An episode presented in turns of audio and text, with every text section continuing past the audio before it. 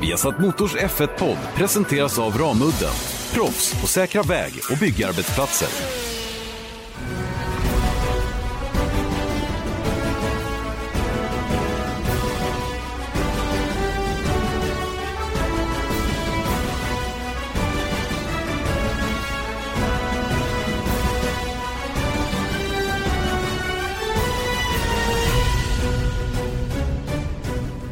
Första gången på väldigt länge när det gäller Formel 1 kan vi säga racevecka. Välkomna till Viasat Motors Formel 1-podd. Janne Blomqvist och Erik Stenborg på plats för att eh, snacka igång Formel 1-mästerskapet igen 2019. Det har ju varit eh, ett långt, segt sommaruppehåll då för de som gillar Formel 1 givetvis som nu alldeles strax är över.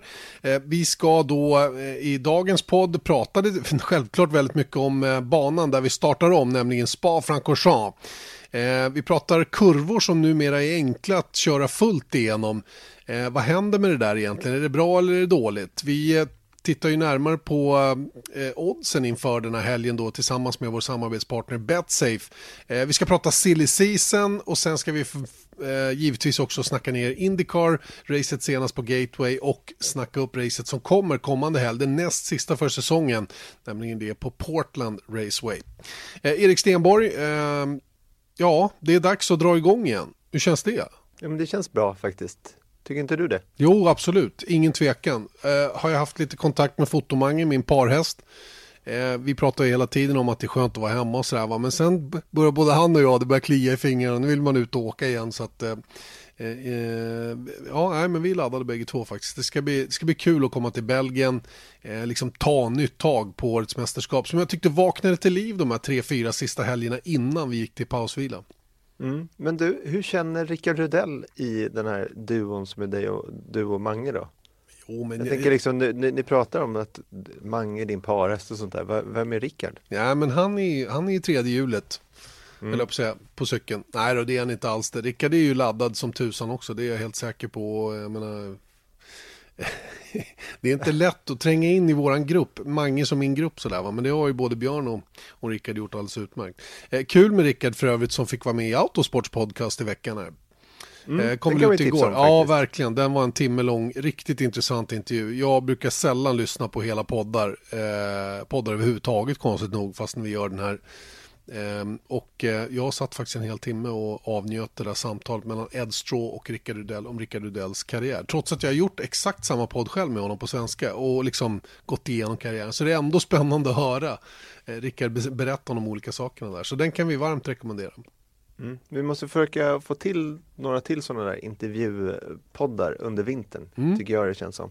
Absolut. För det är ändå kul. Jag tycker att det, jag, jag vet inte, jag tycker att om vi ska nu recensera andra poddar i våran podd, vilket vi kanske inte ska, då tycker jag att den här uh, Beyond the Grid tyckte jag var ganska stark i början, men sen så jag har bara slutat lyssna, har jag märkt på det. Jag är inte speciellt intresserad, men däremot när det är lite på riktigt poddar, mm. som intervjun med Rickard, den tyckte jag var riktigt, riktigt bra. Mm.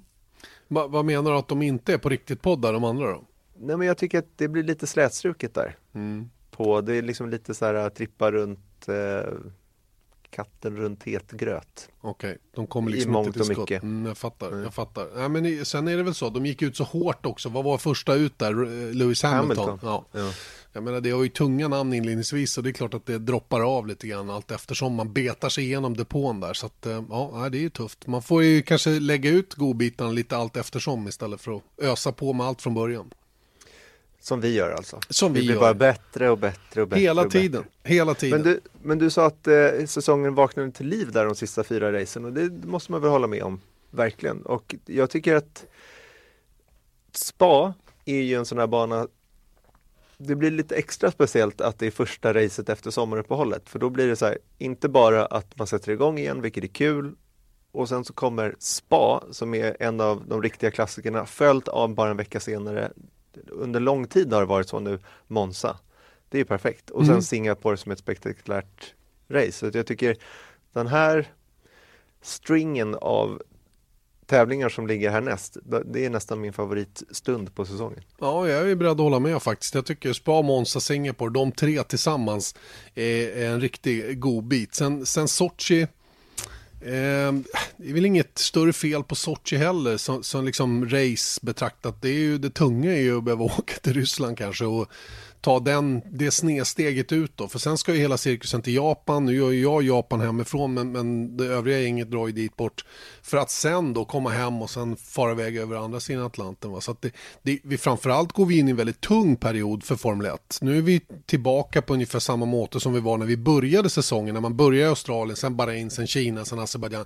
Det är väldigt, väldigt tuffa ett tufft schema och, och flera doubleheader som kommer eh, tätt in på varandra här. Så att, eh, eh, tufft schema som sagt men, men också en väldigt intressant del av säsongen med, med väldigt utmanande och avgörande banor tror jag. Mm. Hur tycker du att det är på Spa då?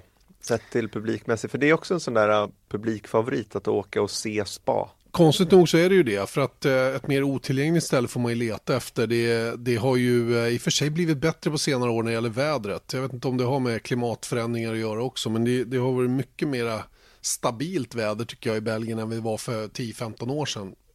Ingen aning om vad det beror på, men så är det. Och eh, tittar man på väderprognosen i år så ser det ju också väldigt okej okay ut. inte jättevarmt men, men ändå en bit över 20 grader och inte speciellt mycket regn just nu alltså. Det kan snabbt förändras där uppe, det vet vi och känner till också sen bakåt i tiden. Eh, banan som sådan ligger väldigt otillgänglig till eh, uppe i Ardennerna. Eh, och eh, det är det som gör att det är lite fascinerande att folk tycker om att åka dit. För man bor oftast en bra bit därifrån och det är bökigt med bil att ta sig till banan. Och ehm, jag vet inte vad det är som, som ändå drar. Och framförallt nu när alla holländare kommer eh, som, som håller på Max Verstappen så är det ju ett enormt tryck på banan. Och man måste verkligen vara ute i tid om man ska ta sig in dit man ska i tid och se och framförallt för oss jobbare så måste man verkligen ta höjd för, för all den här trafiken som, som blir runt omkring. Själva banan som sådan är ju också väldigt utdragen. Eh, jag har cyklat runt, jag har gått runt. Eh, man får en väldigt bra känsla när man går runt banan över hur utsträckt den är. Den är ju trots allt 7004 meter, banslingan och sitta längs Kemmelraken uppe på gräslänten där är ju ett populärt ställe. Annars är det ju läktarna som gäller och gärna med tak. Mm.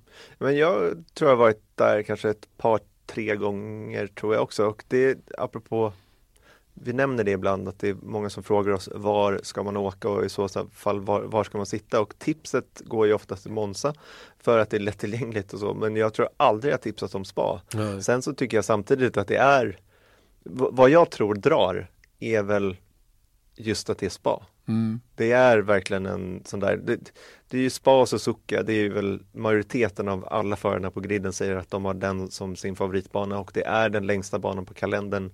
Eh, det är liksom, det finns inte bara att hela banan är klassisk utan det finns ju liksom Rouge, att se Rouge med egna ögon är faktiskt sevärt.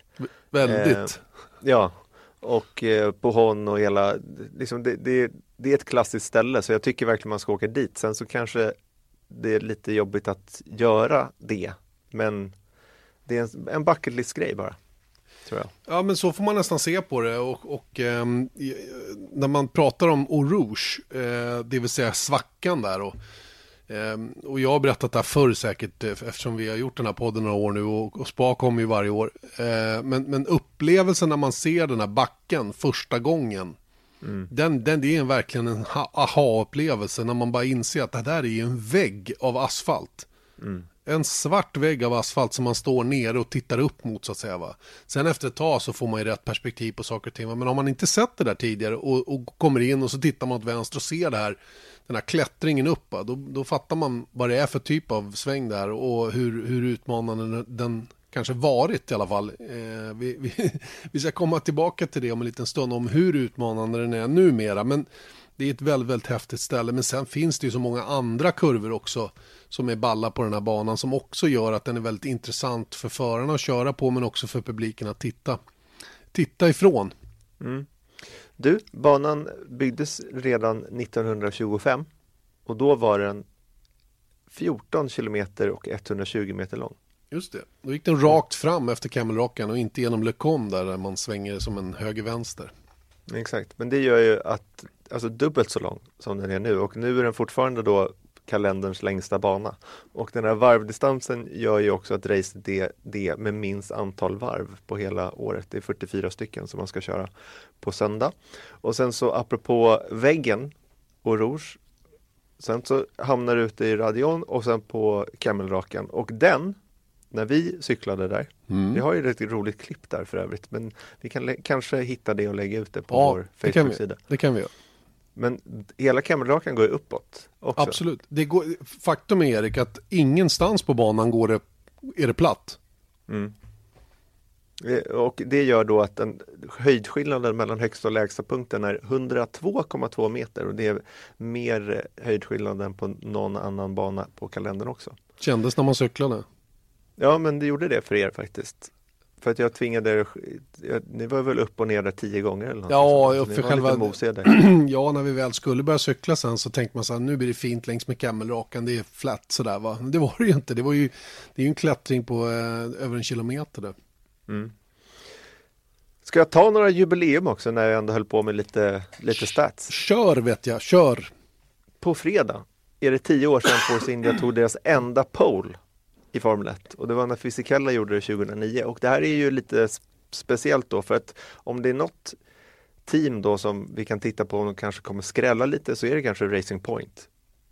Om man ska sätta pengar på något team som kommer överraska så skulle jag sätta det på Racing Point bara på gamla meriter men allt, allt som oftast så gör de det. Och det gjorde ju Fisichella 2009 och eh, han slutade två efter Kim Räikkönen och därefter, vad hände med Fisichella då? Eh, sen fick han ju hoppa in i Ferrari va? Exakt, för det var ju då Filippe Massa hade kraschat och fått den där fjädern i huvudet och var borta för resten av säsongen. De hade stoppat in Luca Badouer som var deras eh, testförare sedan, sedan länge och han misslyckades kapitalt med att tävla för Ferrari och det gjorde väl i mångt och mycket Fisichella också så det var ju faktiskt hans sista F1-säsong. Mm, verkligen. Eh, och det var de dödade två karriärer där. Ferrari. Ja, och det var Kim Räikkönen som vann det där racet var 2009, var det inte så? Mm, I Ferrarin, efter att ha kört om Fisichella där i slutfasen. Mm, precis, så att han, han höll stången bra. Men då fick han eh, promotion och det är klart att en italienare som Fisichella inte kunde tacka nej till. Carlos Sainz fyller 25 på söndag. Sådär ja, 25 år. Han har blivit gammal mm. gubbe redan. Kvart sekel. Jag blir lite chockad faktiskt varenda gång någon fyller år och man bara säger just han fyller år och sen så fyller han 25. Ja. Läbbigt. Ja, det är, då det, och, det är på andra man ser att man själv blir gammal. Mm, det är det.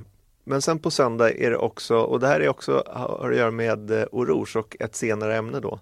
Det var eh, 34 år sedan som Stefan Belloff avled efter en krasch in i Oroge under eh, 1000 km på spa 1985. Mm, grupp C-bil? Mm, med Porsche där. Jag tror han gick upp med, var det X? Nej, jag körde X då fortfarande. Ingen aning, ingen Nej. aning. Det är beyond my kompetens just nu i alla fall. Ja, det, det finns en, eh, en Youtube-film där på, på när det där sker på, ombord på systerbilen tror jag, så att man ser inte, det är inte grafiskt liksom, men då gick tyvärr Stefan Belloff åt och Stefan Belloff var ju en sån som hade varvrekordet på Nürburgrings nordslinga väldigt länge också. Mm. Oerhört snabb förare men eh, som, eh, ja, han var väl i Formel 1 under en kort period va? Mm, det var han. Men eh, det, det, slog aldrig riktigt till 100% för hans del. Ja, nej, men eh, det, det är ett coolt ställe. Jag, är du klar med siffror? Ja, jag är klar. Jag, är ja, eh, jag har ett starkt, det starkaste minnet egentligen från säsongen 98 var det väl. När, när Sonta och, och Villeneuve skulle försöka åka flätt genom Eau och Radion. I princip efter varandra och båda kraschade. Mm. Det var ju väldigt, väldigt speciellt den helgen och, och eh, jag vet Björns, Björn Wirdings fru Eh, eh, eller ja, sambo, eh, jobbade på BA, BAR då på den tiden. Och hon berättade storyn om när, när teamet var på väg för test och de fick hejda lastbilarna och eh, köra dem till, eh, till spa istället. Jag minns inte vad de skulle testa. Eh, förut har jag någonstans i huvudet fått för mig att de var på väg till Monza för att testa där. Men det var nog inte det. Jag tror att det är någon annan bana de skulle till. Men det slutade med att de fick vända hela ekipaget och, och köra till spa istället för det fanns inga bilar kvar att köra med. För de sopade av rätt ordentligt där uppe på toppen. Precis ut ur Radion, både Sonta och eh, Jacques Villeneuve den gången. En mm. annan grej som också hände Honda faktiskt var ju att de, deras V10 eh, sög torrt uppe på toppen där. De hade ingen olja så att eh, de sköt motorer i parti och minuter. Precis när de kom över krönet, Radion, och skulle ut på Camelrakan så blev det bara ett vitt moln bakom dem. Jag minns inte hur många det var då samma helg men det var säkert tre jättehaverier eh, som de råkade ut för. Va? Så att den här banan har ju eh, haft, eh, eller visat sig vara ganska utmanande på många olika sätt. Och sen har man ju naturligtvis eh, kraschen, det var väl också 98 det, när David Coulthard initierade en riktig eh, smällkaramell mm. där nerför backen efter La Eh, den största kraschen som jag har upplevt, jag kommenterade ju racet då på jag tror att jag gjorde det i alla fall. Ja, hur som helst. Eh, ja, det racet var ju väldigt speciellt i alla fall och den största kraschen som jag har sett någon gång i Formel 1 eh, med så många bilar inblandade. Mm. Då vann Damon Hill med Ralf Schumacher bakom sig just i Jordan. Det, just det, det var det året ja, stämmer. Men du, nu mm. när vi pratar om utmaningar på spa mm. så skulle jag vilja ta upp en grej som jag började grunna på lite på cykeln på vägen till jobbet och vi pratade om det lite kort och det är just de här Man pratar ju om utmaningen i Formel 1 hela tiden, att det måste vara en stor utmaning att köra F1 och att kurvor ska verkligen vara ja, men förarna ska vara gladiatorer helt enkelt för att klara det där. Och sen så införde man nya regler 2017 eh, vilket gjorde ehm, bilarna extremt mycket mer eh, ja, mycket mer downforce på bilarna helt enkelt, vilket då fick en lite negativ effekt. Och det var ju då att många av de här kurvorna som är håriga, är inte speciellt håriga för att bilarna har så himla mycket grepp genom dem. Och Rouge är ju ett perfekt exempel på det. Eh, det får man ändå säga. Det får man verkligen säga att det är. Och, och, eh, den diskussionen startade egentligen långt, långt tidigare än när man införde nya reglementet 2017 då, att, att den var easy flat då inom citat. Jag vet inte, easy flat, det, den har gradvis blivit så att man kan köra den i full gas. Och Rouge och och Rouge är ju ena delen av det här snabba partiet, men framförallt över Radion-krönet och ut på Camelraken hela det ska ju tas då med full gas och, och, som jag förstår det idag så är det ganska lätt fullt igenom hela det här. Även i race alltså när bilarna är upptankade och kanske har lite skrubbade däck. Mm. Vissa kanske måste lyfta lite grann men, men i, i huvudsak ska det vara en, eh, en, en lätt kurva att gå fullt igenom. Och det där eh, är, det ligger väl i sakens natur att eh, kurvor blir mindre och mindre svåra ju bättre bilarna blir så att säga. Va? Mm. Men jag skulle då vilja hävda då att i och med att den här diskussionen dyker upp på ett eller annat sätt varje år runt spa, till exempel. Och det är just, jag skulle vilja hävda att Oroge har inte varit en, den här jätteutmaningen den en gång var de senaste tio åren minst. Nej, menar, det, det, stämmer nog. Ja. Du säger ju liksom 98, men då var det lite eh, kärvt då att, att ta sig igenom det eh, med full gas. Men jag tror att jag menar 2009, det var inga, inga problem varje fall i, i kval så var det inga som helst problem att, att åka fullt genom Oros. Nej, och jag, jag, det är liksom, eh, jag vet inte heller om det är om det är, ska vi säga, är, är, ramen för om den är svår eller inte, om den går att åka easy flat eller inte. Ja, easy flat, ja, men flat att, eh, för det kan jag tycka, det ska vara en liten spärr att åka fullt genom en kurva. Eh, inga conference lift, ingenting, utan det ska vara verkligen fullt. Men, men eh, det är ju så, det är så svårt för en annan som ens aldrig varit i närheten av något liknande att ens ha någon uppfattning om, om, om den är svår fortfarande eller inte. Vi kan ju bara gå på vad, vad förarna själva säger. Vi har ju pratat med flera stycken om det och det är ju ingen som egentligen tycker att Rouge längre är speciellt svår, även om de tycker den är häftig att köra igenom. Mm. För jag tror att sensationen i kroppen när man går ner för backen trycks ihop ner i kompressionen och så bär iväg upp och så tittar man på grantopparna där och vet att okej okay, nu ska jag svänga vänster ut på, på camelraken. Det är fortfarande en, big, en stor adrenalin liksom påskjut eller vad man ska kalla det då mm. som man får genom den. Eh, och det är klart när, när har man risiga däck eller någonting sånt där va? Men, men då, då är det en annan grej. Men med normala förutsättningar så är den ju inte den inte den, man måste åka fullt där om man inte ska tappa varvtid kort och gott. Det är väl det ja. som är grejen mera. Ja men det är det jag, jag ska försöka klargöra vad, hur jag tänker här. Att det som jag tycker är lite så här störigt är att det är inget nytt att Oroge inte längre är den utmaningen den en gång var, säg på 80-talet när man körde med 1300 hästar i kval och ingen downforce i praktiken. Ja men då är det klart att det var en superläbbig kurva. Men det har inte varit det på, på länge. Och så att jag menar, det här går ju gradvis. Bilarna blir bättre hela tiden och de går fortare hela tiden. Och det är det jag tänker då att ju, ju snabbare bilarna blir, då förflyttas ju liksom utmaningen till andra ställen istället. Jag menar, visst, vissa kurvor försvinner bakåt för att bilarna blir så pass bra. Men då har vi lite längre in på varvet, på Hon till exempel. En sån där nerför en backe, hypersnabb vänsterkurva, lite off-camber som jag, som jag uppfattar den. Och, och det är ju ingen easy flat-kurva. När det går så himla mycket fortare från ett år till ett annat med de här den nya aerodynamiken. Det blir ju en större utmaning skulle jag vilja säga. Ja, så eller, är det eller, eller i varje fall större krafter.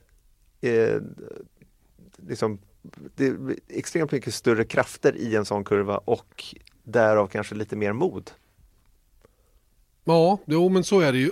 Sen är det väl också så att någonstans finns det ju en gräns som man kommer till också genom en kurva som Orouge. Om vi kallar hela det partiet Orouge så att ingen missuppfattar och tror att vi menar att Radion är Orouge också. Men för att förenkla det lite grann så är det ju så att visst bilarna går fortare.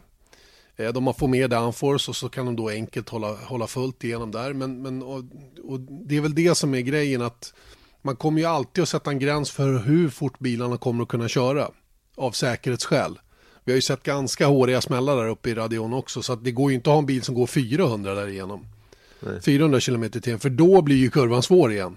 Och mm. det, är, det är väl lite det du menar, att ju fortare det går förr mm. eller senare kommer ju svårigheten tillbaka.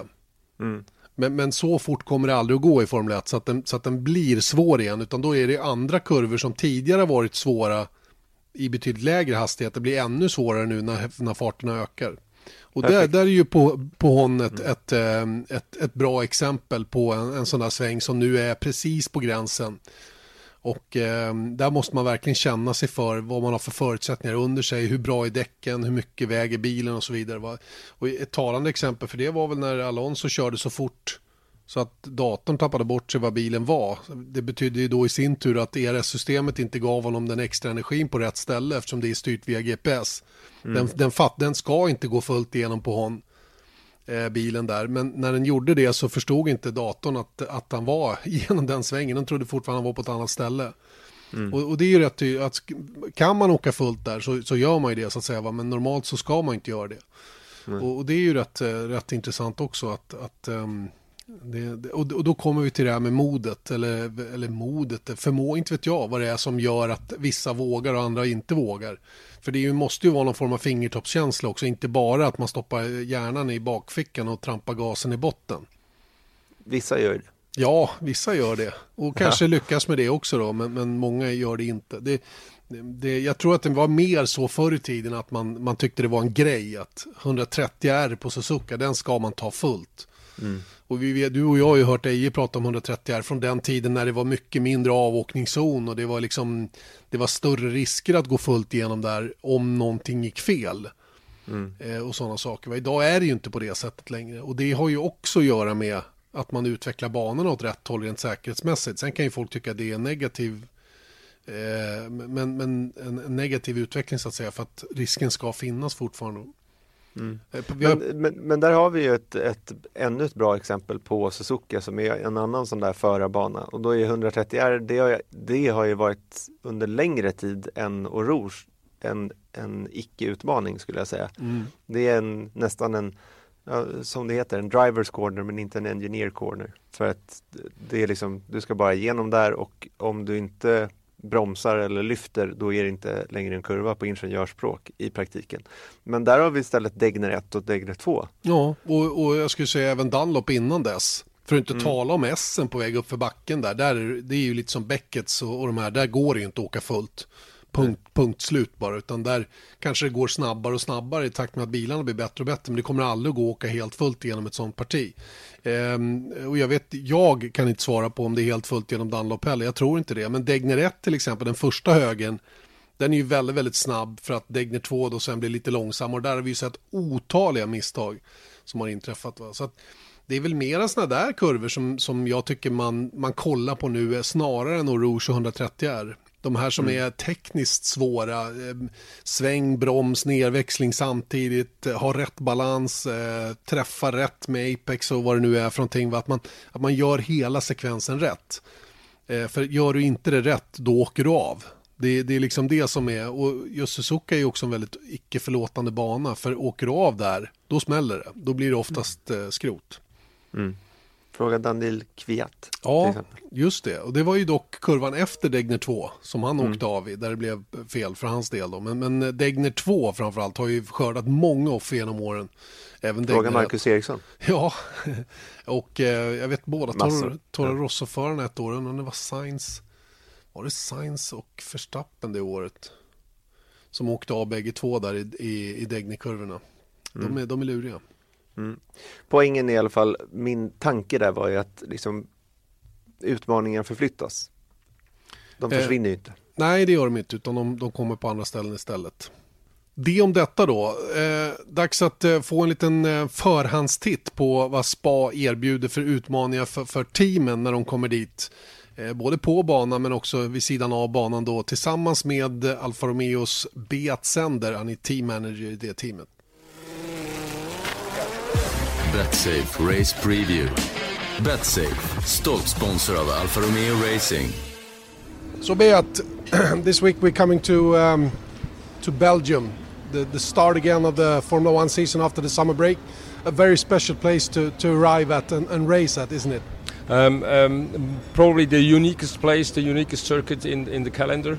Um, if you ask drivers, every driver loves it. Um, the layout, the elevation, um, slow corners, fast corners, difficult corners to drive. So a very, a very nice place to go. And high demands on both the cars and the drivers. Uh, what is the deciding factor to be quick at Spa? Do you think? Uh, you have to have a good top speed, obviously, because you got long straights um, after Eau Rouge and then and then the back straight. And still, you need traction for, for the bus stop chicane for La Source turn one, and and then you need a good setup for for the quick corners but it's a low drag circuit, so it's sort of more more towards Monza than it is to Hungary. It is more towards Monza because the long straights, yes. And um, and uh, we have another situation that can often occur: the weather. It's very unpredictable up in the Ardennes forest. Um, for me, autumn starts in in Belgium. Always, um, you come from summer holiday and it is in the morning it could be misty it could be it could be cloudy. Um, you could have rain and this is the typical Ardennes rain uh, which comes basically almost horizontal. And the difficulty because of the length of the track is sometimes that you could have rain in one place of the circuit and a completely dry track on the other place.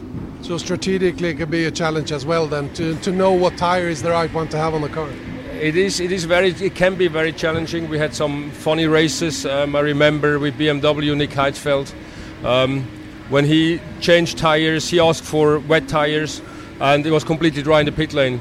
And it turned out to be the right decision because at the back backside of the track it was completely wet. So, uh, from the team perspective, team side, is it a difficult place to be at? No, it's it's nice. It's nice. Um, we we like it. Um, they improved the paddock years ago. There is enough space to work and the area is very nice. Alfa Romeos bet sänder där alltså om eh, vad som gäller för, för, för, teamet så att säga när man kommer till Spa-Francorchamps. Han gillar ju området som man säger där på slutet och tycker även att det är tillräckligt mycket plats att jobba och det är väl kanske främst då sen man fick de här nya garagen. Eh, jag har ju varit på Spa när man jag har nog aldrig varit på Spa med den gamla depån som är nerför backen. Det var tidigare. Eh, där brukar ju Formel 2-teamen få hålla till. Eh, när de, när de eh, eh, har sina eh, högkvarter så att säga då, nerför backen, ner, ner mot Orouge så att säga då. Mm. Du, eh, vem eh, har, vem, vem är den av de aktiva förarna är de mest framgångsrika på spa? Uh, jaha ja, det borde jag ju kanske kunna. Kan det vara Hamilton kanske? Han brukar Nej, gilla den här banan. Kimi Räikkönen. Är det Kimi det? Räikkönen. Ja, där ser man. Han har fyra segrar där och eh, skulle han vinna då går han upp på fem och då har han lika många som Senna men då måste han ändå vinna ett till för att komma upp på samma antal som Michael Schumacher mm -hmm. som har sex då. Men vad ser vi på oddsen där då? på Kimi för seger? Ja, alltså har man en hundring så skulle jag utan vidare tycka det var rätt fränt om Kimi Räikkönen gick och vann. För han ger mm. nämligen 1501 gånger pengarna. Mm. Hur känns det? Ja, men, men det, det, kanske talar emot eh, vissa saker ändå? Ja, antagligen Eller? så är väl inte det, det, det oddset är nog inte satt eh, helt, eh, helt uh, utan så att säga relevans. Eh, vi pratade ju, eh, vad heter de, eh, Force India då, att de har varit oerhört framgångsrika, eller Jordan eller vad de nu har hetat genom åren, så har de ju av någon anledning ofta lyckats på just den här banan då och eh, Racing Point, Sergio Perez ger 2501 gånger pengarna och Lance Stroll 3001 gånger pengarna. Mm. Så att det, är, det är bra, bra odds. Men, men det är roligare att titta längre fram då för att eh, Eh, självklart är det lägst på, på Lewis Hamilton, 240. Eh, Sebastian Vettel 375. Eh, Charles Leclerc 385. Det här är en stark bana för Ferrari ska sägas. Mm. Så, att, så att, eh, det kan nog vara ett rätt så bra tips. Men Valtteri Bottas. Apropå Vettel, får jag bara hoppa in där och ja. säga där med Vettel att det är faktiskt ettårsjubileum från hans senaste seger. Det är alltså, senaste gången han vann var ju på Spa i fjol och om man inte gör eh, vinner alltså i helgen så blir det den näst längsta eh, luckan mellan racesegrar i karriären. Oj. För att mellan Singapore 2015 eh, så tog det hela vägen till Australien eh, 2017 innan han vann och det var 26 race. Så att han, han behöver eh, fila till det där lite. Han behöver spotta upp sig. Jag tycker han är en av favoriterna till helgens race som kommer faktiskt. Say hello to a new era of mental health care. Cerebral is here to help you achieve your mental wellness goals with professional therapy and medication management support. 100% online. You'll experience the all new Cerebral Way, an innovative approach to mental wellness designed around you. You'll get a personalized treatment plan from a therapist, prescriber, or both in a safe and judgment free space. Your cerebral therapist or prescriber will outline a customized plan with clear milestones along the way so you can get to feeling your best. With Cerebral, you're not alone in your mental health journey. We're here to empower you to live a fulfilling life.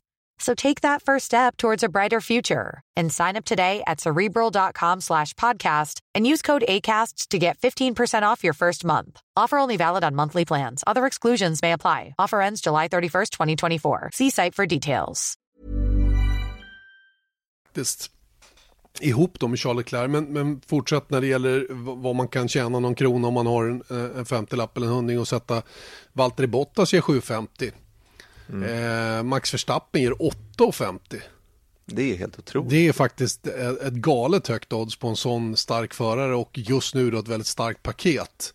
Så att eh, det, det, där, det skulle jag ju tippa på. Alexander Albon som flyttar upp till Red Bull nu då, han ger 81 gånger pengarna.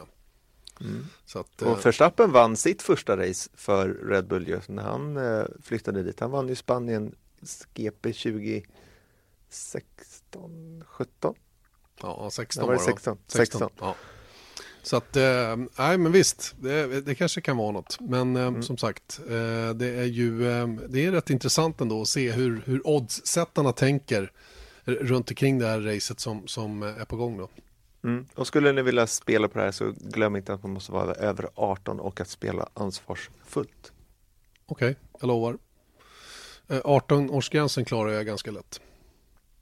Viasat Motors Formel 1-podd fortsätter ehm, och eh, nu Erik ska vi eh, kötta ner oss i silly season lite grann. Yes box. Och eh, vad ska man säga där? Det är ju, det är ju man tänker ju att den här silly season skulle inte bli så mycket silly season men det, jag vet inte om det är verklighet eller att folk är så sugna på silly season hela tiden och vi också eh, såklart så att man liksom vill att det ska bli eh, mycket grejer som händer men det har, börjat, det har börjat dyka upp lite saker. Det har det gjort va, men, men, för att återkomma till det du började med. Jag var nästan övertygad om att silly season skulle bli den lugnaste på väldigt, väldigt länge. Men, men faktum är att det har det har vridits lite här. Eh, det har hänt lite grejer som, eh, som kanske mm, kommer att förändra det här. Och för mig är just nu tre förare eh, huvudpersoner i, i silly season som nu kommer att dra igång på riktigt allvar efter sommaruppehållet. Eh, och det är eh, Valtteri Bottas, det är Esteban Ocon och det är just nu Nico Hülkenberg. Och, och en mm. runner-up där bakom är ju Romain Grosjean som också kommer att bli indragen i det här spelet på ett eller annat sätt. Jag ska förklara varför. Eh, det har ju nämligen förekommit eh, medieuppgifter från Autobild i Tyskland om att Esteban Ocon har skrivit på ett tvåårskontrakt med Renault. Att han därmed är befriad från alla kontraktuella eh, åtaganden med Mercedes från och med nästa säsong. Eh, och eh, om vi ska se på det logiskt så är det ju Nico Hülkenberg då vars kontrakt går ut efter den här säsongen som kommer att få flytta på sig om Ocon ska in i Renault. Eh, Daniel Ricciardo fick en jättelön när han gick till Renault och sannolikt kontrakt över nästa säsong också då, eller är väl bekräftad, är det inte så? Han är bekräftad. Ja, han är bekräftad, okej. Okay. Eh, så, så, att eh, blir det på det viset, det innebär ju i sin tur sannolikt att eh, Valtteri Bottas får köra ett år till för Mercedes över 2020. Eh, så då, då kommer i sånt fall Merca vara klara, då kommer Ferrari vara klara där både Vettel och Leclerc är bekräftade och eh, vi vet också att Max Verstappen är bekräftad sedan tidigare i Red Bull, även om det har pratats om eh, hoppa av-klausuler och att han eventuellt skulle kunna vara på väg till Mercedes eller någonting i den stilen. Va? Men, men, eh, men eh, som det ser ut just nu på pappret är Max Verstappen kontrakterad för Red Bull över 2020. Eh, men det här innebär ju då om Ocon går till Renault så kommer Hylkenberg då få flytta på sig och jag tror inte att han har kört färdigt i Formel 1 ännu. Och var skulle han då kunna hamna istället? Eh, där är ju då egentligen den enda möjligheten som jag ser det att hamna i någorlunda material. Att köra för Haas. Haas som i sin tur har varit väldigt tydliga med att de kommer inte vara någon juniorfabrik där de eh, plockar in massa unga förare och så vidare. Utan de vill ha etablerade duktiga förare och då är väl Nico Hülkenberg ett, ett jättebra exempel på det. Eh, så att eh, det, det, tror jag är en rimlig möjlighet. Eh, Romain Grosjean har ju varit lite upp och ner minst sagt. Mm. Och, och eh, känns ju som att han sitter lösast till där. Dessutom läste jag Peter Nygård eh, var väldigt tydlig med att eh, lugna ner er nu. Kevin Magnussen kör ett år till för Haas. Mm. Så att, och han har rätt så bra koll på, han är dansk fotografjournalist som har bra koll på vad som händer runt omkring Kevin. Och jag tror att Kevin sitter säkert men där Romain Grosjean sitter betydligt lösare. Mm. Ja, men det, det, har ju varit en ganska kass säsong för Grosjean i år och han hade lite jobbig säsong i fjol också med mycket krascher och misstag och, och, och krångligheter överhuvudtaget. Så att om man skulle tippa på någon av dem, oavsett vad Peter Nygård säger, så skulle jag ändå ta Grosjean. Mm. Att det är han som ryker, ja. Och, och då, då skulle det bli en intressant föruppställning då i, i Haas i sånt fall med Kevin Magnusson och Nico Hylkenberg tillsammans då. De är ju inte såta kompisar direkt. Eh, det är väl möjligen det som skulle kunna tala emot en, en, en ehm, en, en sån utveckling att Hülkenberg går dit. Då. Men, men eh, det här är business, det är sport på högsta nivå. Sånt där måste man sätta sig ovanför på något sätt. Och det tror jag att både teamet och förarna kommer att göra. Mm. Så du tänker då när du säger att Ocon då, om man skulle gå på de ryktena att han har signat för Renault. Det där med att han skulle kliva upp i Mercedes och ersätta Bottas eh, det skulle i så fall vara out the window. Ja, som jag ser det så blir det ju så. Om inte Merca på något sätt eh, skriver något utlåningsavtal eller vad det nu är. Va? Men jag uppfattar inte att det är på det viset. Och jag tycker inte heller att Merca kan hålla Ocon under kontrakt hur länge som helst utan att använda honom. Eh, sen är det ju fortfarande möjligt att för dem att värva tillbaka honom så att säga om de skulle vilja det på sikt om, de märker, om de märker att han, är, att han är riktigt, riktigt bra så att säga. Va? Det, det, de vet väl på ett ungefär hur bra han är redan nu men de har ju, han har ju trots allt bara kört en och en halv, full, eller en och en halv säsong i Formel 1 så att han, han kanske inte riktigt har deras fulla förtroende ännu. Samtidigt som Valtteri Bottas är ett beprövat kort, han tar trots allt eh, mycket poäng. Men även om man inte är på Lewis Hamiltons nivå och eh, det, det, den fina dynamiken i teamet som man har nu mellan Hamilton och Bottas är också gynnsam för teamet totalt sett och jag tror att många sådana saker spelar roll trots allt. Va? Även om jag för några veckor sedan var ganska tydlig med att jag trodde att Bottas skulle få flytta på sig. Inte minst efter att ha träffat Ocon då i, i, i Budapest så kändes det som att Ocon var väldigt så här, hade gott självförtroende och hade fått eh, bra besked så att säga. Va? Mm. Men, men eh, jag, är, jag har full förståelse för om Merca gör det här beslut, tar det här beslutet att behålla Bottas. Eh, vilket eh, för tre månader sedan var mycket enklare att ta. Men kanske inte lika enkelt att, att ta det beslutet nu då, efter de senaste två, tre racen. Nej. Ska vi gå igenom listan bara för att eh, förtydliga saker och ting och då har vi ju Hamilton, han har kontrakt över nästa år, Bottas eh, sitter ett frågetecken runt. Eh, både Vettel och Leclerc har kontrakt är bekräftade för 2020. åtminstone. Förstappen eh, likaså för 2020. Eh, Alexander Albon är ju i allra högsta grad ett frågetecken runt men jag tror att ambitionen från Red Bull är väl att han ska vara kvar där även 2020. Mm. Eh, vi vet också att McLarens båda förare är klara. Eh, de blev bekräftade väldigt tidigt eh, och eh, tydligt från teamets sida att hands-off våra förare, Sainz och Norris kör vidare. Eh, frågetecken då som du nämnde kring Hülkenberg. Eh, vi vet också att Kimi Räikkönen har tvåårskontrakt med Sauber, vilket, eller med Alfa Romeo, vilket betyder att han kör en säsong till då. Mm. Av allt att döma. Större frågetecken då kring Giovinazzi. Vad eh, tror du om honom? Eh, ja du, det, det är svårt faktiskt att svara på riktigt. Eh, för om vi ska vara ärliga så vad är alternativen för Alfa Romeo på marknaden mm. så att säga då? Ja, det skulle ju kunna vara Nico Hülkenberg då såklart. Eh, om han blir fri. Han har ju kört där tidigare och, och trivs säkert i det teamet väldigt bra och Hülkenberg, Kim Räikkönen tror jag skulle kunna vara en stark uppställning för teamet att ha och de behöver mer poäng.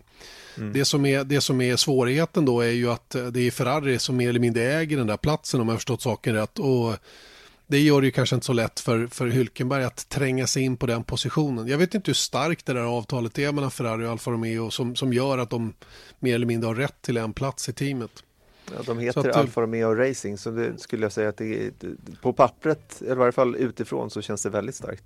Jo, visst gör det det och sen är ju frågan om hur mycket det är värt i pengar så att säga. Och vi vet ju också att Nico Hülkenberg har väl inte någon jättesponsor med sig eh, om det skulle krävas för en styrning så att säga. Men, men, man får ju också vara medveten om att ha en förare som tar en poäng på en dryg halvsäsong är ju inte mycket att ha eh, så tillvida att man skulle kunna haft Nico Hülkenberg till exempel då som, som förmodligen kört in betydligt mer.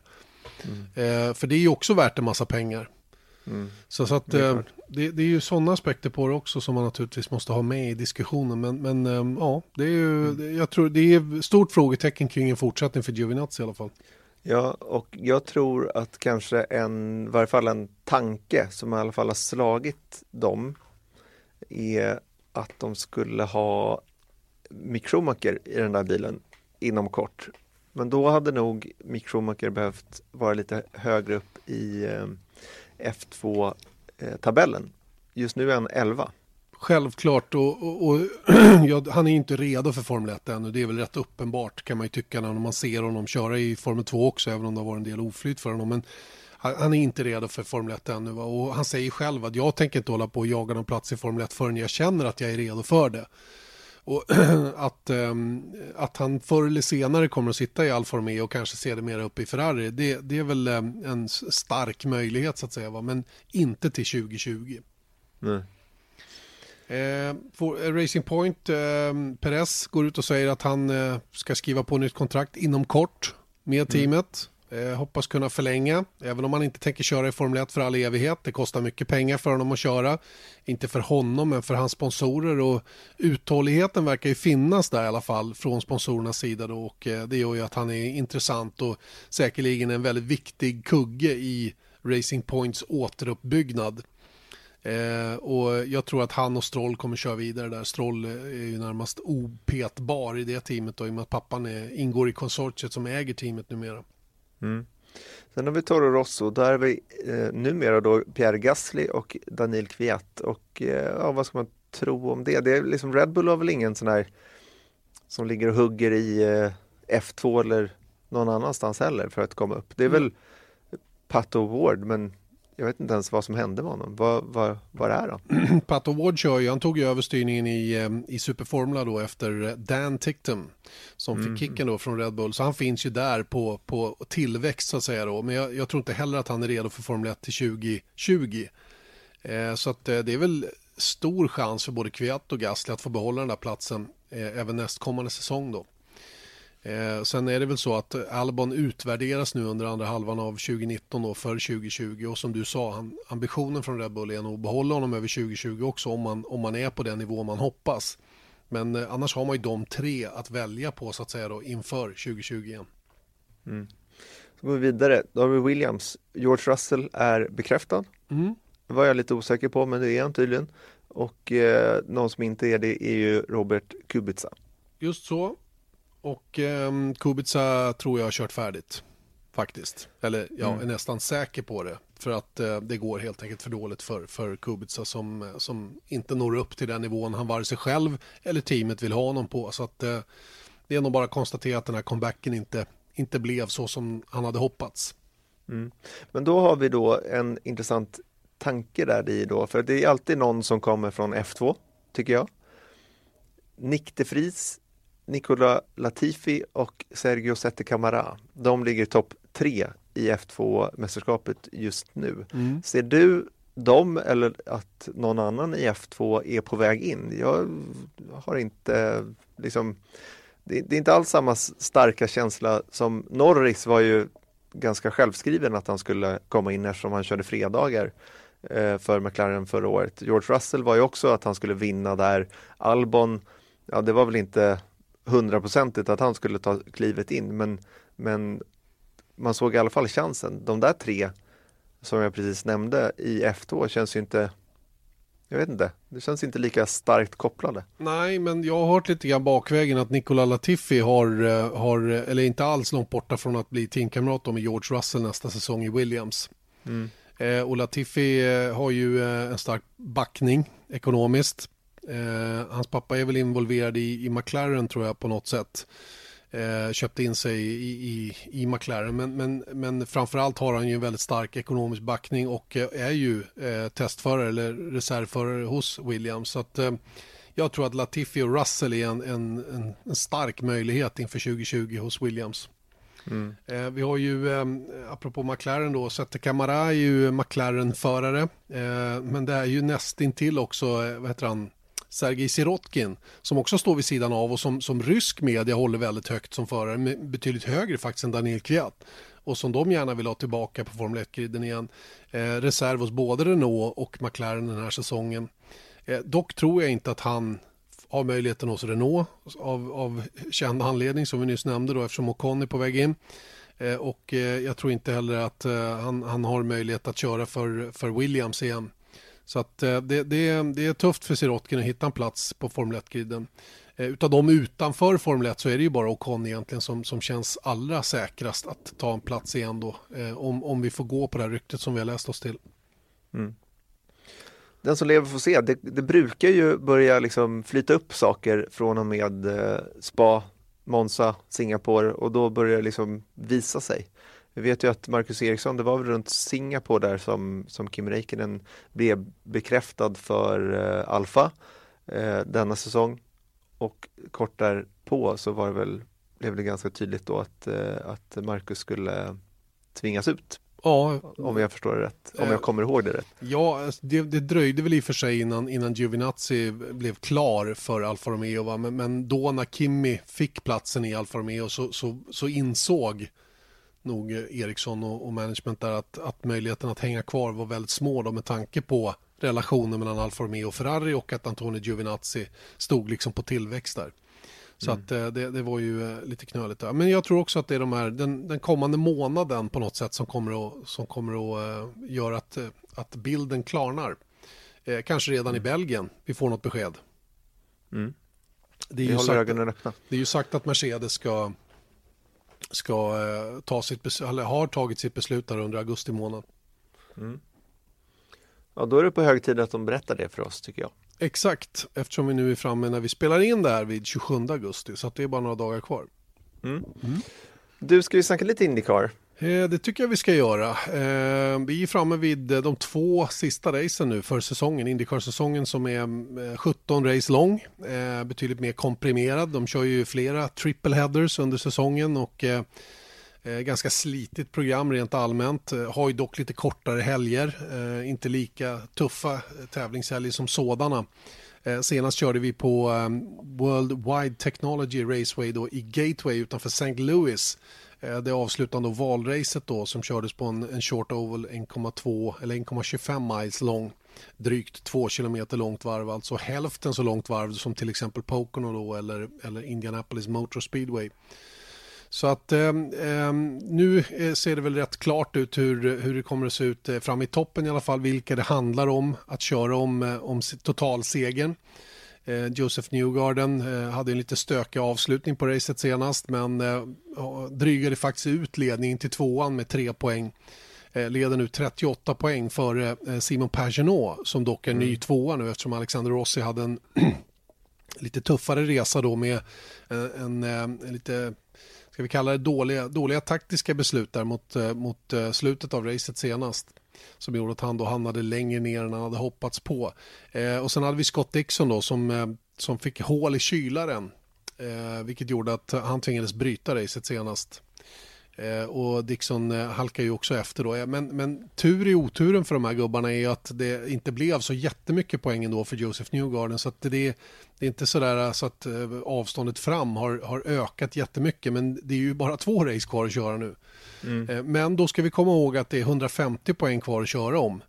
Mm. Eftersom det är dubbla poäng då i, i eh, avslutning på Laguna Seca. Så att eh, alla de här fyra har fortfarande goda chanser att vinna. Men, men favorit är ju fortfarande Joseph Newgarden. Och senast han, han ledde mästerskapet 2017 då med tre race kvar så vann han. Mm. Så att eh, jag, jag sätter nog mina pengar på honom. Va? Och han har dessutom, som, som jag skrev någonstans, att han har en sån oerhört hög lägsta nivå. Alltså de helger det går dåligt för Newgarden så, så påverkas han inte så där fantastiskt mycket ändå han, han är ändå med och hugger, hugger på en hyfsad nivå. Eh, och det är det som jag tycker talar för att han kommer att hålla ihop det. De här två avslutande helgerna då. Portland som är kommande helg, alltså samma helg som Belgiens Grand Prix och sen avslutning då på Laguna Seca så småningom. Mm. Simon Paginos, eh, han har ju bäst snitt då över de fem senaste racen. Han, hans average finish, alltså snitt eh, snittposition i mål är 3,8 mm. och eh, Newgardens eh, under samma race då är 6,2. Rossis är 9,0 och Dixons är 5,4. Mm, Dixon hade ju en fin svit fram till helgens race på Gateway där han hade tre andra platser och en seger de fyra mm. tävlingarna dessförinnan. Nu drogs ju snittet ner då givetvis av, av att han eh, råkade ut för det han gjorde senast här. Eh, när det gäller eh, Newgarden så hade han det lite jobbigt på Mid-Ohio Eh, och nu då senast här eh, ehm, eh, på Gateway. Men inte heller något toppenrace på Pocono. Så att eh, det, det är ju, ja, han är, det, det, det är återigen, han kanske inte har haft den där riktiga spetsen här på slutet va, men han har, när det går dåligt för honom, då är han ändå hyfsat bra med hela tiden va. Mm. Ja men så är det. Någonting som jag tog med mig också, jag läste det någonstans att, att eh, pallen i, på Gateway då hade vi ju Takuma Sato som är 42, Ed Carpenter som är 38 och Tony Kanon som är 44. Mm. Det ger ett snitt då, snittålder på, på pallen på 41,3 år. Ja. Erfarenhet räcker längst. Mm. Tillsammans har de startat 723 Indycar-lopp så att eh, erfarenhet var det i alla fall. Absolut, och hälften av de 700 de har faktiskt Tony Kanon. Oj, ja, ja okej. Okay. Och i rad dessutom. Han har ett helt, han, han har ett helt mm. fenomenalt facit verkligen, Tony Kanan. Och jag tycker det var så kul att han fick kliva upp på pallen senast här. Och det, det var ju inte de tre snabbaste förarna som, som var på pallen. Men mm. det blev ju som det blev på slutet där och eh, stökade till det då rent strategiskt för många med en avslutande gul flagg där och, och, hur man låg till med bensin och däck och hela den biten. Va? Däckslitaget var ganska avsevärt senast på, på Gateway och, och det, det bökade till det. Eh, våra svenskar ska vi väl beröra lite grann också då så här långt där eh, eh Rosenqvist har lyckats betydligt, betydligt bättre än Marcus Eriksson den här debutsäsongen och ligger väl ungefär på det på det som man, eh, som man trodde inför. En topp 10-placering i mästerskapet. Eh, visserligen eh, med förhoppningen om att kanske vinna något race under säsongen. Det är ju inte för sent ännu. Eh, han har tagit en pole position, han har varit på pallen en gång. Jag tycker liksom Rosenqvist har varit där man kan förvänta sig att han ska vara under en debutsäsong. Han sitter dessutom i ett bra team vilket hjälper till självklart. Eh, Marcus Eriksson däremot är, är en gåta. Så han, han, eh, det är nog inget fel på hans fart, framförallt inte racefarten, den är väldigt bra. Eh, vi vet ju att han har en pallplats också, den andra plats i andra racet i Detroit. Eh, han har några riktigt starka resultat i övrigt också. Men han har också några riktiga plumpar i protokollet som, som jag tycker är, är jobbiga att, att eh, liksom att eh, snacka bort. Eh, det har varit lite för mycket egna misstag för Marcus Erikssons sida den här säsongen och det, de blir dyrbara. Så jag undrar om det sitter lite grann i huvudet att han jagar, han jagar lite grann eh, Verstappen-fenomenet innan det vände halvvägs under förra året. Att han försöker mer än vad som är möjligt. Va? Att han kanske skulle behöva backa tillbaka någon eller några procent för att inte Eh, Eh, göra som senast här, eh, snurra redan i början, en halvspinn då som han hade i början på racet och sen eh, efter depåstoppet då, det första landet, jag kommer inte ihåg vilket det var, där han alltså kommer ut i smutsen då och smeker muren lite grann vilket gjorde att han i sin tur då hamnade två varv efter. Och, det, det är liksom, när man ser vilken fart han egentligen hade i racet så, så är det ju så, så ja, han kastar bort det helt enkelt. Och det, mm. det, tycker jag är tråkigt och det kan ju faktiskt bli avgörande nu när det handlar om att förhandla sig till en, en sits till nästa säsong för han är långt ifrån klar mm. med någonting ännu. Va? Och eh, då har man inte råd att, att upprepade gånger då säga att man har bra fart men ändå inte få resultaten med sig. Mm. Så att eh, jag vet inte eh, vad, hur han ska liksom ta sig an de här två sista racen nu. Vad är liksom i huvudet då tänker jag. Det är, för det är inte bakom ratten utan det är just mentalt. Tar i lite, lite för mycket och, och, eh, och, och det, det, får stora konsekvenser så att säga för slutresultatet. Mm. Ja men det, det känns som jag menar, det som Felix gjorde, vad slutade Felix nu i? 11 va? 11. Mm. Ja, och jag menar, det var ju på, jag tror att Marcus hade nog en snabbare, han var ju tvåa på träningen. Sen skulle han kvala och sen så blev det den där oljespåret på kvalet och sen så fick de liksom, du vet, ju tidigare ordningen eh, för, eller ja, kvalsekvensen var desto sämre var det. Men det var också lite den grejen att kan jag tänka mig, det jag bara hittar på här, men i att när man känner att man har en snabb bil att då vill man utnyttja den. Medan kanske Felix kände som han var ganska så här, okej okay, nu har jag en stor krasch förra helgen, nu kör jag så fort jag kan såklart, men jag tar mig igenom det. Medan Marcus jagade lite mer som, som du också sa och då kom misstagen. Om han inte hade gjort det då hade han ju varit topp 10. Ja, utan, vid utan vidare tror jag det också. Mm, kanske eh, högre med tanke på allt strategi som pågick där så man vet aldrig var, var han hade hamnat. Nej, och, och, grejen var ju att efter den där halva snörningen i början där så var han ju ändå tillbaka i racet. Eh, med lite omständigheter på ett, på ett himla bra sätt och vi vet ju att de låg femma och sexa och låg och jagade varandra då innan det här depåstoppet kom där Marcus direkt efter då eh, halkade av. Eh, och det, det, var väl just det, precis när han kom ut ur depån där så vet jag att det var en grym fight mellan honom och Rosenqvist då, som hade gått in något varv tidigare. Eh, om, om banposition så att säga då och eh, när det blev lite, det blev lite för hård jakt där som, som kostade väldigt, väldigt mycket då i slutändan. Mm. Ja, nej, det, det, det har studsat eh, lite snett där för Eriksson. Tyvärr. Och eh, det kan som sagt få, få konsekvenser då i, i eventuella kontraktsförhandlingar då inför 2020. Eh, dock vet vi ju ingenting om, om vad som gäller. Det går ju massor med rykten nu och silly season, apropå det som vi har pratat i Formel 1, den är ju egentligen ännu hetare i Indycar. Mm. Med många, många förare då som, som um, gör bra ifrån sig på vissa typer av banor i alla fall och medan andra som snackats upp väldigt mycket har svårt att få betalt för det. Eh, de jag tänker på främst är Santino Ferrucci då eh, Eh, den här eh, amerikanen då som körde i Formel 2 och som bråkade med sitt team och som blev utslängd i Formel 2 mer eller mindre och, och tog steget över till Indycar istället. Körde några race under fjolåret och full säsong i år och, och gör det oerhört bra framförallt på valerna. Eh, och eh, krönte ju det då med en fjärdeplats senast när eh, han eh, tog sitt bästa ovalresultat. Men han har ju varit helt fenomenal när det gäller just ovalracing under året. Och jag vet att det är många som, som drar i honom och han har fått, eh, det, det gör det ju lättare för honom i alla fall att förhandla med eventuella team för nästa säsong. Och Dale Coyne är nog säkert sugna på att behålla honom tillsammans med mm. Sebastian Bourdais som redan har kontrakt där. Eh, sen har vi Colton Hurta då som, som alla prisar så oerhört. Han blev den yngste vinnaren i Indycar till exempel då på Kota. Men sen har det varit svårt för honom att förvalta den fina farten han har.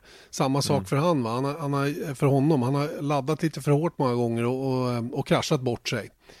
Eh, så att eh, han behöver kanske hålla ihop det lite bättre. Men han, han på något sätt så starkt anseende så att han, ja, det, han, han, han blev liksom bulletproof. Ja, han blev bulletproof efter Kota där på något mm, sätt. Så att mm. vad han än har gjort därefter har varit okej. Okay, liksom. Sen så har han haft massa tekniska problem också ska man väl tillägga.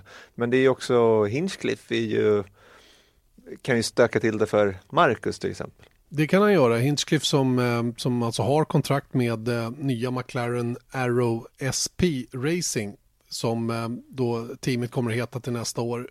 Och Eh, med, med eh, komplikationen då att, att teamet byter till Chevrolet-motorer och där Hinchcliffe är starkt förknippad med Honda och framförallt Honda Canada. Och Även om han skrev då på sociala medier att han eh, ser fram emot att köra ett år till så, eh, så tror många, inte minst Marshall Pruitt som vi hade med i podden här för någon vecka sedan, att han inte kommer att köra för dem nästa år.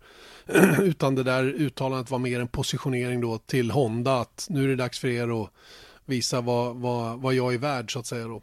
Får vi se mm. vad som kommer att hända med Hinch. Försvinner Hinch, ja då måste ju SPM eventuellt ha två nya förare då om man inte tänker sig behålla Marcus Eriksson. Och ehm, ja, det är, ju, det är ju alltid en chanstagning att stoppa in två nya i ett team då som dessutom håller på att omstruktureras ganska hårt just nu då. Absolut. Samma sak där. Vi vet inte. Nej, vi gör inte det och det kommer att dröja ett tag till innan vi har eh, alla kort på bordet så att säga då. Men eh, vi ser fram emot Portland eh, kommande helg. Mm. Vad har vi på Portland? Vad sa du? Vad har vi på Portland? Portland, ja just det. Då ska jag ta fram det lite snabbt. För jag gjorde en liten snabb googling i alla fall när det gäller just den där banan. Och eh, det kallas för Grand Prix, eh, Grand Prix of Portland. Portland International Raceway som har funnits sedan 1961. Eh, och eh, där man ska köra då en bana som är eh, inte så lång, 1,9 miles, 12 svängar, en natural road course som man kallar det då. Ganska platt, inte så mycket eleveringar eller höjdskillnader men flera ställen då för, för omkörning tillgängliga på banan. Så att det, jag tror att det kan bli rätt intressant race faktiskt där Eh, förhoppningsvis, eh, åtminstone Felix Rosenqvist då, som har varit stark och kvala kan vara med långt framme. Sen får vi se då vad Eriksson kan, kan plocka fram då just när det gäller kval. Det var ju ett tag som man körde på en sån här typ av bana, Mid-Ohio senast då. Där vet vi hur bra Rosenqvist var då med en andra plats i mål, bara en halv billängd från att vinna. Eh, det är kanske där Felix tar sin första seger, vem vet? Det vore väldigt kul. Absolut. Då får vi en gäst i podden också, för det vet man ju att det är. Det är ju eh, det är en regel som vi har, ja, att alla pallplaceringar i Indycar betyder automatiskt en plats i podden. Mm. Very good. Känns det väl lite som vi är halvklara va? Ja, tycker jag. Tycker jag absolut att vi är. En eh, bra och matig podd hoppas jag att ni tycker att det är också, precis som vi. Och eh, hur är det med, med Belgiens Grand Prix? Vad har vi att se fram emot i tv-rutan? Eh, Janne Blomqvist och Rickard Rudell uh. i, i rutan. Tungt. Har vi ju. Tungt. Eh, och sen så har vi även, nej men vi kommer ju ta ett, eh, ett, ett lite större grepp på hur det sett ut hittills under säsongen som en liten mid-season review. Vi ska titta på silly season. Vi kommer självklart då fokusera mycket på Gasly och Albon då efter deras första race efter den här switchen mellan Toro Rosso och Red Bull. Och eh, vi jobbar på en gäst där som är högintressant i frågan. Den är inte klar alltså? Den är inte klar, men den är nästan aldrig klar på tisdagar. Nej. Jag, den kan jag... bli klar på onsdag eftermiddag, mm, någonstans där. Och det kan ändras efter det också? Oh ja, det är det som är jobbigt. Mm. Men, eh, men vi siktar högt? Det tycker jag att vi gör, mm. absolut. Mm. Eh, det kommer bli bra tv helt enkelt. Underbart, ser vi fram emot. Och eh, det är som sagt eh, hyfsat väder också som väntas på Spa Francorchamps kommande helg. Och eh, vi eh, säger därmed eh, tack för veckans podd. Tillbaka om en vecka igen och eh, på återhörande kort och gott. Och missa nu ingenting under helgen. Vare sig Formel 1 eller Indycar från Portland. Massor med racing att hänga med på under kommande helg. Adjöken. Adjö. Vi har satt Motors F1-podd presenteras av Ramudden. Proffs på säkra väg och byggarbetsplatser.